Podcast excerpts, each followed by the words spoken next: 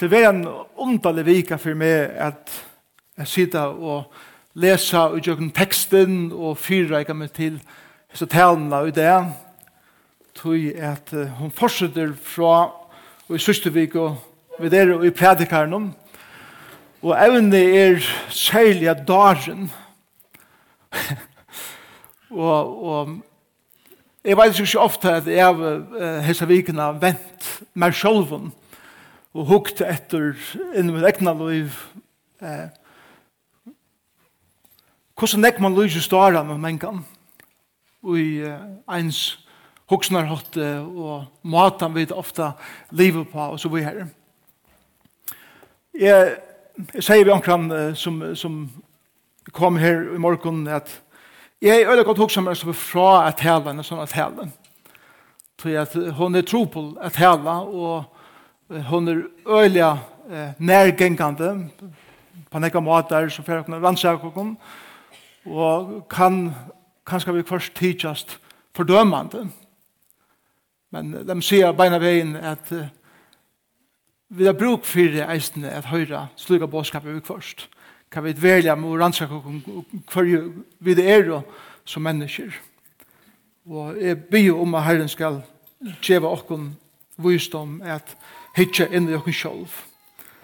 Og at føla herre andan kom inn og nema vi og ikkje ta, ta fordømande røttene og kreftene som alle tøyene er ute etter at øyelegge okken og ta måte fra okken men heldur at få måte at liva for herren. Kontrasteren er i middelen tan vysa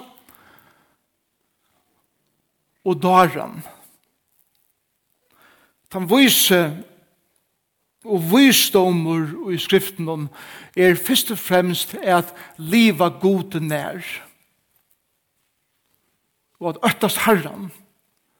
Det er først og fremst en vise person som gjør det til at ta om man lever god nær og man ørtast herran så fer man det som jeg kallar for et god givet perspektiv er suttja at læra og røyna suttja løyve objektivt vid Guds egen samtidig er at leva stabilt.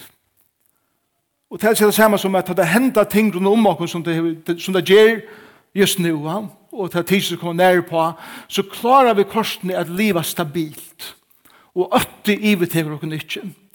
Tøy er vi leva så mykje nær gode, er vi vita og kvill i at han er suverener. Han viser med vår kvinna er og en med vår kvinna som doer at hitja under iverflatene er og hvordan ting møvler så ikke ut av iverflatene, men for under og, og sær vi moralskon og etiskon eion til som gonger fyrir seg i okker heime og eisne heima til okken og i det. Det er at heva et godgivet innlit og perspektiv og på løyve Og tess vegna er at vera en personer som klarar at djeva gå og vysra og i imenskun omstøven og i livnen. Til en vysra personer. Det er det her som, som predikar nå årtøysene og skriften hele tiden, akkur som lyser en, en, en godsøttande vysan mann eller kvinne for jeg vera. Så er det daren, det er tvei år som, som hebraisk kan være brukt om daren, Begge årene tåsa om en person som er for det første avgrundavur, andalige. Han har ikke et andaligt perspektiv inn i hvordan han ser løyve, og han er eisende avgrundavur moralst og etist. Avgjøver etikkner som ikke teka sunnan moral og etikk inn i livsstil eller annet avgjører tjene slikon personen. Og da vi leser uh, skriften der, så er det ikke vi til å gjøre at hese maveren som er en dårlig, eller kvinnan som er en dårlig, behøves det å være bytter, eller ovitande, men det kan godt være en klokur, velvitande, velubbyggven personer. Men som ikke godgive moralst og etist grundarlega hever fire avgjørnar i sin liv om hvordan man lever sitt liv. Det er det som vi hittar etter, og i særlig i kapittel 11 og i predikarnen. Og i det er vi kommet til, til kapittel 11, nei, kapittel 12, og vi leser fra vers 12 og til endan av kapittelen. Og særlig at hos av predikeren om hvordan livet ikke dår han og særlig ut. Men det er jo sånne kontraster av tøyene. Men særlig er det sånne her med eller kvinnan som ikke moralst, etisk godomlet kompass hever for livet. Så leser vi i, i vers 12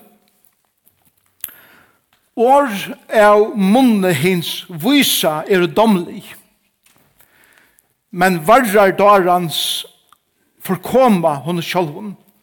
Tås hans herre byrjar vid dorskapet og endar og i ringasta vitløyse. Og daren er årarykur på at menneska veit ikkje hva du i fer henta. Ta i fer henta etter han hver kan sia, eller hver sier hon til. Daren pøser seg ut ved strevesynen, tog det er aldri så fratt at han veit leina heim, eller til stegen veit her land og hever baden til kong og høytingar og halda gilte om morgenen. Lukkelig land og hever i albornan kong og høytingar og halda gilte og i sameligere tog som folk og ikkje som drittjemenn. Ta i leteræver, sjunka bjolkaner, og leter ein hendene henga, leker nyer i husen. Til at stuttlega seg halda tar gesta på. Og vunne gjer luive glatt. Og alt sam samalt fast fyrir pening. Ikki så mykje som i hoan og måst to banna kongenon og enn ta ikkje i sovekammertøynon måst to banna hinn ryka. Tøy Fuklar himmelsens bera ljove av sted, og teir vi vangen bera ut til, og i to sier. Og det her er en sikna, sutt år.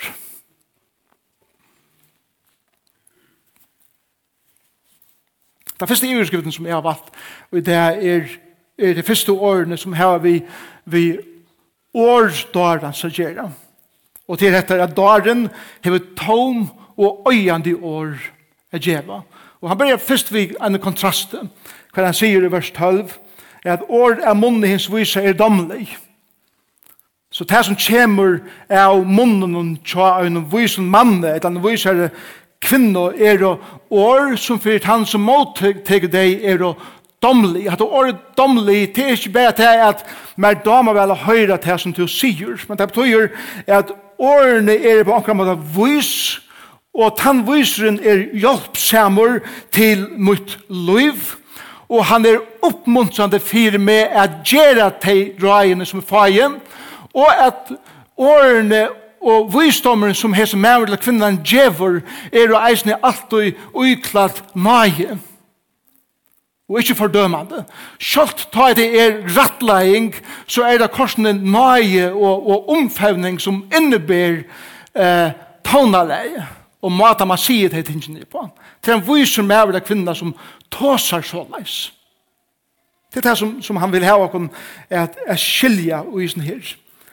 Hinn hin viser talar, hin viser tåsar inn i livet til omkron, og folk lusta, og to verer virtur, eller virt fyrir til røyene som du djever, her som du kjemur.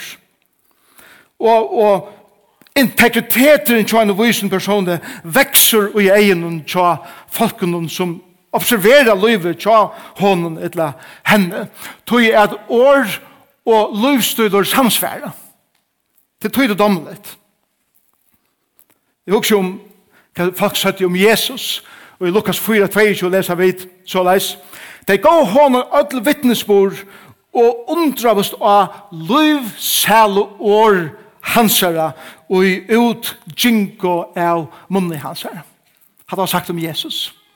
Fantastisk. Tala hansara var domlig.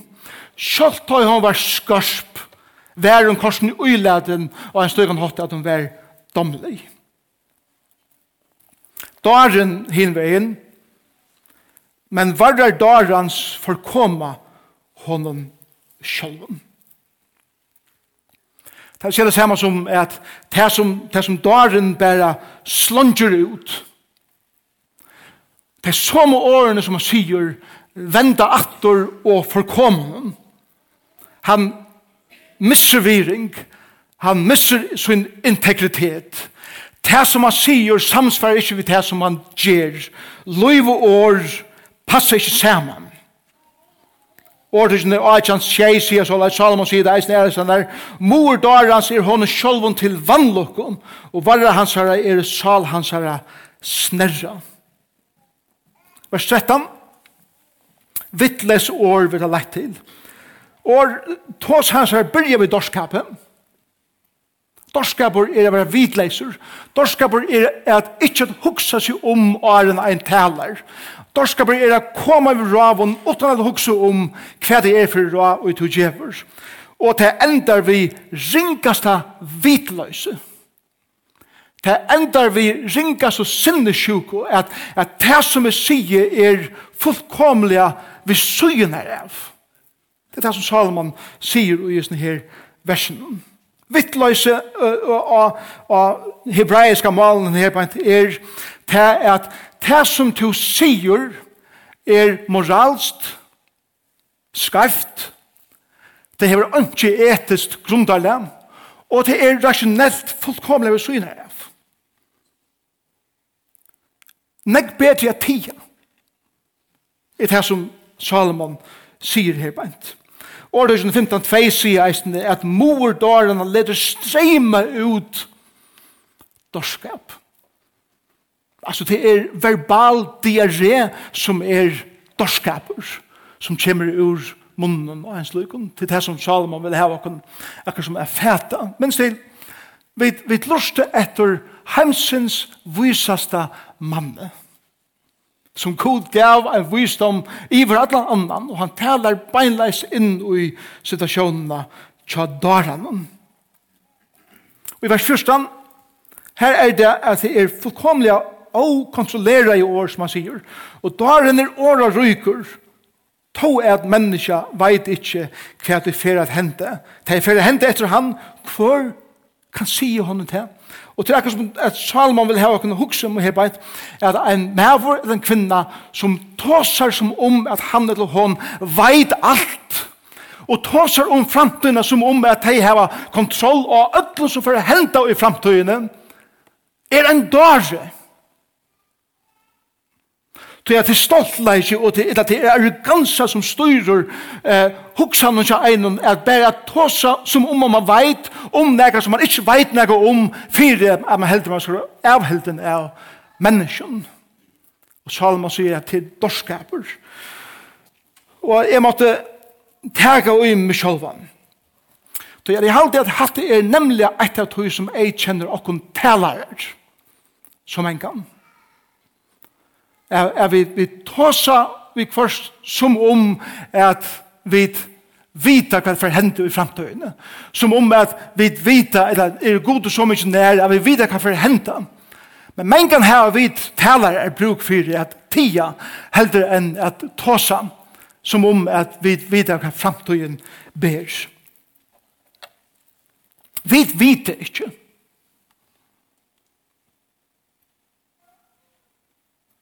Vi vet ikke hva for å komme. Og tog jeg vi mengan er tida, i stedet for å tale.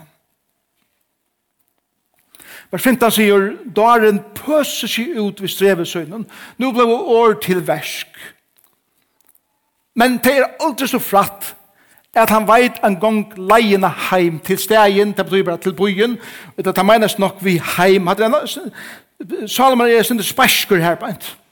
Han, han sier at det er sånn her, er sånn her mævren eller kvinnan, som hever ötles i årene, samsvarer ikkje vi det som han gjer, Han er ongan sans av rattlæging, han er ongan rattningslinje for livet, han køyrer bare utan å huksa seg om hver han fer og hver han gjer. Og så sier Salomon, men faktisk ser han ikke engang fram om sin egne nøs. Det er faktisk det som han sier.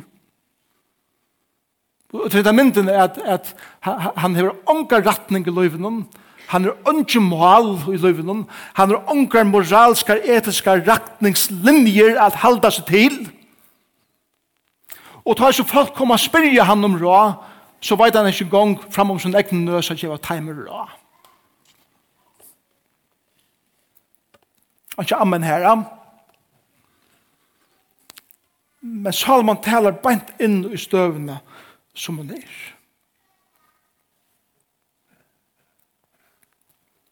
Næste iverskriften som jeg har valgt er at si at daren, sier Salomon, er en øyande leier. Og det er vers 16 og vers 16, at det kontraster her på Vei ter land, og jeg hever baden til kong, og høvdingar, og jeg halda gilte om morgenen. Forresten, morgenball er ikke nekka nøyt. Det er nekka som til alle tøyer hever vere. Og veit her er øyla kraftet boi består. Det er en person som ønsken vogn er fire, hvis han vil rakter av det. Og han sier her i vers 16, at veit her to land som hever baden til kong, eller baden til leier. Det er ikke vi alder å gjøre. Det er vi en person å gjøre som nå er blevet vaksen, men oppfører seg som et baden. Og er som et lyde småbaden, som ikke tåler av, som unga rønter hever i livet av nøkron slag. Men på en eller annen måte slipper til valde at heva store avgjerer å gjøre og han er ein skam og ein vannæra og ein øying for landet. I Rokten Salman har skrivet her vi tar han. Han er også som sin son Rehoboam som tog iver etter pappa sin. Og ta ut her eldre i landen som hadde vært radioer til Salomon i nekve år og kjente til hvordan et land skal være leit. Så ville Rehoboam ikke lust etter teimen, men han søkte seg bare ra for at han spilte nødvendig radioen som han ikke visste om søvnene, og han fyllte terra raven som gjør det at Israel, som har vært et av sterskaste, et av sterskaste tjoen var nå splittet sunder i tvei og ta bleta norrare og ta sunnare rujtje. Til Rehoboam var en dare som ikkje lusta i etter, men var et lydebaten innast inne, som ikkje sjål kontroll heie av sånne moralske eh, virun. Til det ene som det tjekket ut på var at steppa at festa og ballata så nek som han kunde. Og gjør at her om morgenen så er det svøvner av tidsen som ikke gav at her førlegger til at være viser ur avon ta at du skulle være til arbeids om dagen. Og eit og kvart land og ein og kvart fyrtøka som er leit av en slugen person bojar undergeng til det som Salman sier oss. Hver dag bare ganger ut på at hava det godt og festa og ballast og ikke styrer vel. Og ångar det tåla kritikk som han lyder baten og ångar færing hever. Det er enden. Tja en slik om landet, sier Salman. Men så gjør han kontrasten. Men hinvegen, lukkelige land, eller sæla land, eller signaja land, og hever i albornan. Det er ein som, som er finnet til og i beinene som skal til for å leie vel. I albornan kong eller høvdninga og i halda gilde, jeg vet ikke til det, som du er gledast, men det samlige er tog, som folk, og ikke som drittjemenn. Vi gjør noen, de som, de som du er styrer seg, de som kjenner frahalt, de som kjenner sjåldisiplin i livet noen. De tåre er gledes om ta i det gonger godt, og at feste og halda gildi om det. Det betyr ikke til at vi har vist oss og han bare vi høtten og nye etter, og ånga det feira nekka. Men du gjørs det som en mæverlig kvinna som hever integritet, og ikke stortur av tusen du fast inn i tøyn kropp. Lukkelig Lukkelige sæla og sikna signa land, sier Salomon, som hever leirar som hever dyrve, og som har integritet, at leia et land, eller leia en fyrtøk, eller leia en familie. Og så sier han i vers 18 og 19 og Timon 3 i beskrift, Daren hever en øyande livsstøyl. Vers 18 sier, Ta i lete ræver, sjunka bjølkaner. Sjunka og leder ein hendene henga, leker nyer i husen.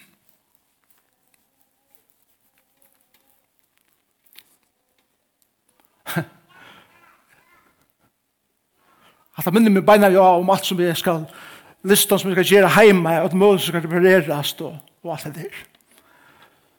Lete, ta vi ikke gjøre, vi bære henga, så færre bjolkaner, så færre spørrenar, at sjunka, tog jeg vil gjøre ikke vi at halda ting og i ordan, og vi reparerer ikke, og tar hendene henga så fyrir at leka nye kjøkken tætje, tog jeg vil tæk okken ikke tøy, og vi tar ikke disiplin til at reparere her som det skal reparerast.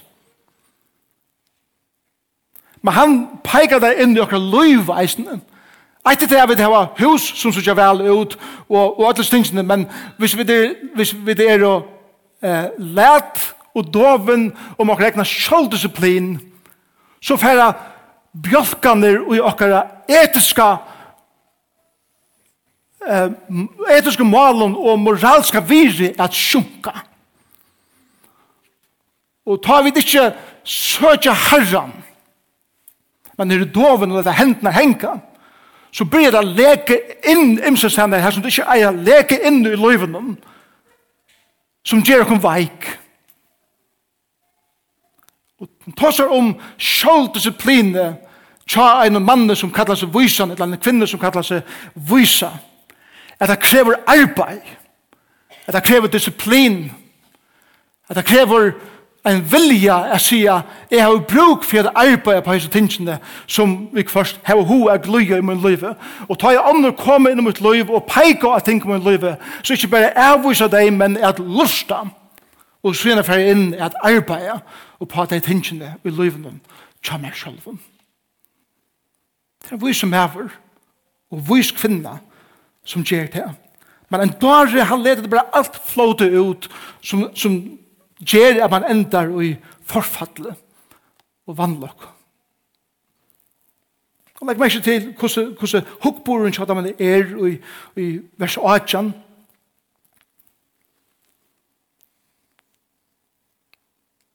Vers 9. Til at stuttleika ser halda der gestab. Og vinne gjør livet glatt Og alt saman fast fyrir pening. Jeg hatt go bibelsk rå. Ja, har sendt bibelen. Alt fast fyrir pening. Jeg har snakka sier det her. Bibelen alt fast, fast, fast fyrir pening. Daren sier alt fast fyrir pening. Bibelen sier eisen at det er ikke god. Men bant åren stender daren sier at det er ikke god. Samme 14. Så livsstøyleren til en dara er at livet gonger ute på underhalt og drittskap og peniga. Det er livet. Det er at liva livet. Og Bibelen sier at hvis du er en person og er en person som lever på at livet er bare underhalt, og livet er at festa og at hava ballade, og livet er bare at kjeipa alt for penning, så er det en dare. Det er løyvi meir enn det.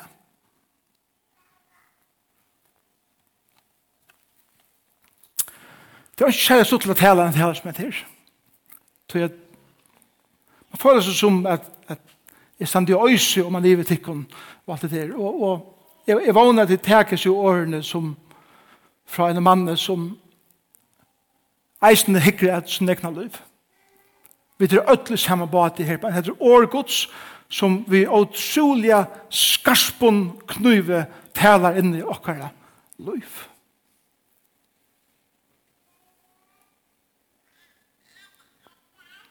Men, men urslide av godløse er ødelse tingene her, men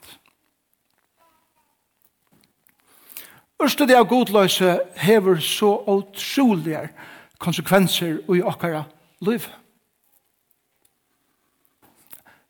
Jeg har også nekk av vikskiftet om det som hendte i Frankarøyke og i vikskiftene.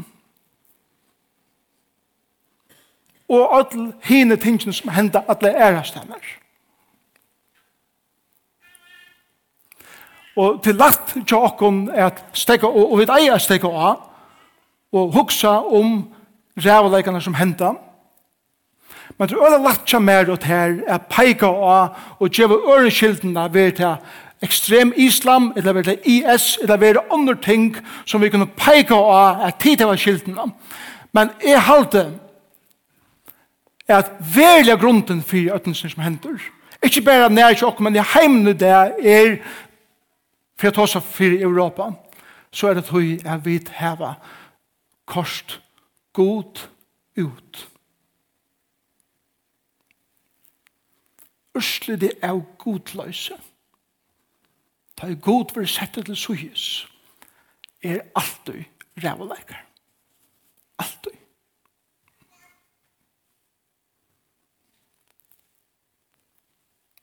Vi har bruk for å få god innater. Fra haksta stegi av myndelaika inn i kvarja familie og foreldre som oppheller sin bøtten.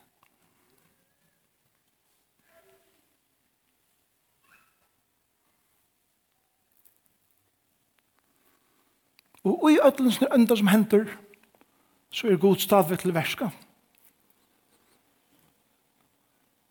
Og det som vi sutja i Europa i det, som byrger a sutja i Europa i det, vi tar ta som Kina, hver 30.000 folk kommer til trygg kvann det, vi tar som Afrika og Sur-Amerika, hver, hver trygg tryggvande, eller mennesker streyma til herran på tryggvande, vi tenker at mi er hver, hver den største vesen, vesen, vesen, nærkrande i heimsøvende er med muslimar i det, og Europa byrjar eisene er vakna her. Ikke i statskirkene, ikke i samkommun som er vel etablera her, men i smaven bolken av tryggvande som luta Jesus her som det koma, så jeg vet folk streima til Herren, tog jeg til lunsjast etter gode. For god har lagt det ui åkken. Vi har bruk for å bya herren og fyregjøring for det godløse som vi har løft å komme inn i våre kontinent og våre land. Og å vende atter av nødgjøn til herren. Og da byrja vi at vi som Guds folk bya herran og hjarta synden er til okken som folk. Og byrja heima til okken selv. Og så sier Salomon at enda i, i vers 20 så leis. Ikke så mykje som i hoanon måst du banna kongenon. Og enda ikke i sovekammertøynen måst du banna hinnon ryka. Kvoi? Toi fuklar himmelsens bera ljói av sted, og teir vi vannsynsunnen bera tøy ut og tøy sier. Vi ørner hon En viser maver og en vis kvinna bergtala omkantøy. Det slæter ikke. Det fer ikke atre om og ta seg om det som ganger fyrir seg. Det fer sjalt ikke inn hos egna kamar sammen med sin kone og sin manne. Jeg bergtala til ryko som liva eh, hette her løyve som vi tar ta seg om etla hin avvisa som er en dare. En vise personer får ikke bruka tøy at spytla teg ut. Tøy at vi kjenner hette året her ikke. Jeg hørte en fugl lata. Det kommer herfra. Det er fra versen. Alt som er sier og land som er bækt til være søkt og til å være boren ut i atmosfæren på en eller annen måte som gjør til at fyrr etla settene kommer til det atter til den personen som to tar seg om. Og en vise maver bruker ikke tog på å slætre. En vise kvinne bruker ikke tog på å bæktale. La meg til enda vi er nøkron grunnleggjande ravun. Nummer 1. Det er dorskaber at tala tar vi ikke heve at sige.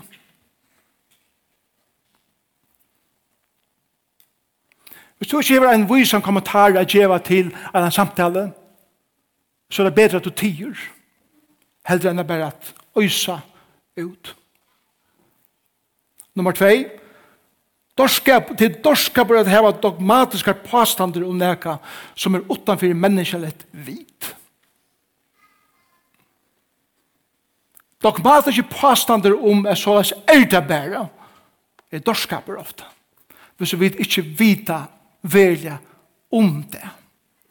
Og til så nekv i sin heime som vi heva så omedelig lytla vitan om at vi må ikke være dogmatisk. Her hugsi bengan om lærer, som vi lærer i okra sankumon, hva vi er så dogmatisk om ting, utan at verlig ha vitan om det, at det er fullkomlig farligt. Det sier er ådonaskaper og sjålsøkning i teimen som leia er et bann for folket og landet. Men donaskaper og frahalt Og at hugsa om ånder fest er en sikning for land og for folk.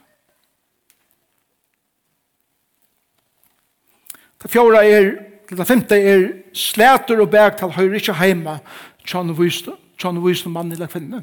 Sjalt om det kan være rettforskjørt at du hører åkta sida, så er det omgande bergtal. Det at dara år, hva er det til? Dara år kan være lign, at det er en person som likve. Dara år kan være en person som, eh, som eh, reipar eller ivedriver. Dara år er bæktal. Dara år er slæter. Dara år er smik. Til at smikra fyrir omkron. Vi tror for eia at få okkur fra honom. Dara år er eisne at flystra at djeva kommentarer til ditt kine som ikkje høyrer einon til. Til eisne dara tala. Dara tala er eisne nyrgerande kritikker. Hver det ene som kommer ut ur munnen til einon er at nyrgera og kritisera andre. Og en ung jenta som er oppvaksen ved en papa som bare har kritisera annars Eller en unger dronker som er oppvaksen ved en, ved en pappa eller mamma som bare har peika av det som er skreift og det som ångan er godt nok. Færa ui sin vaksna løyve og sin gifta løyve og i fleste føren ikke vera før fire at hega må rosan råsande i år. Og a sida i radgjeving vi pøren eller vi falskjem som har vært nyrgjørt og kritiserer i av sin mega, år at han har år. Hvordan det ser ikke ut, eller hvordan det er eller hvordan det skrev det er gjør en utrolig skia av mennesker.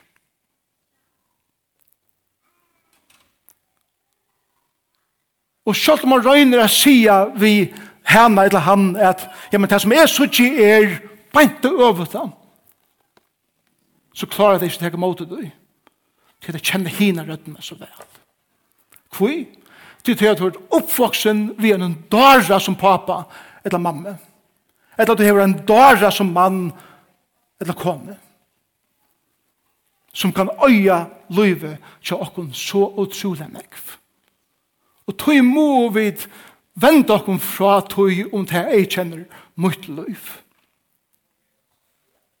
Ta hitje etter at etter at mun løyve, kos jeg mengan hever i for mun button selja.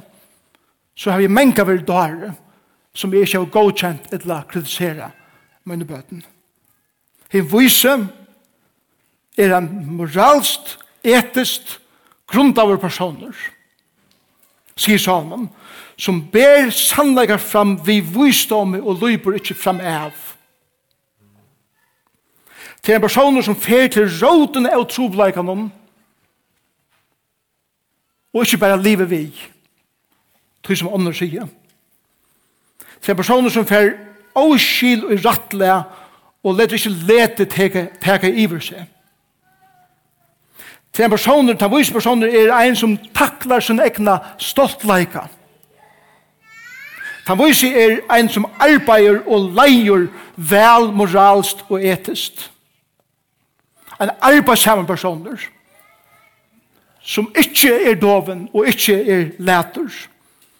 Så jeg med vår den kvinna som øttast herran mer enn han øttast hva mennesker halda eller sige. Og det er med vår den kvinna som fer til frelseren vi øtlom. Lyga ikke kvæt. Her vil det ikke bruk for tid til, kære brøver og systrar. Det beste stedet er færa til vi ødlen som bildjist ui mer og ter ui det som vi høyre en tale som hesa og færa jøgna tekst som hentan er jeg sier jeg må færa til frelseren vi ødlen er snir. Og derfor er jeg bia okkun om å gjøre i det.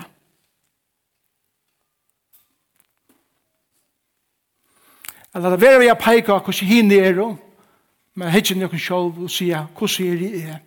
Er jeg en dare eller er jeg en viser personer.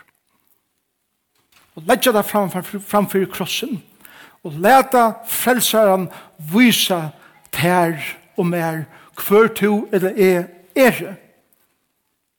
Og så sier vi han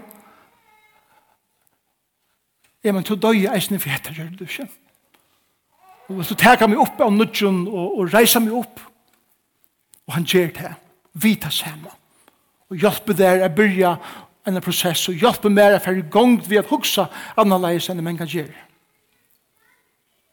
Kanskje er du inne her i det, og du kjenner ikke frelseren. Du kjenner kanskje ikke Jesus Kristus som din frelseren. Og han er her i det, at gjør var til liv, Han er her i det at gjeva her sin visdom. Han er her i det at være den beste vinner.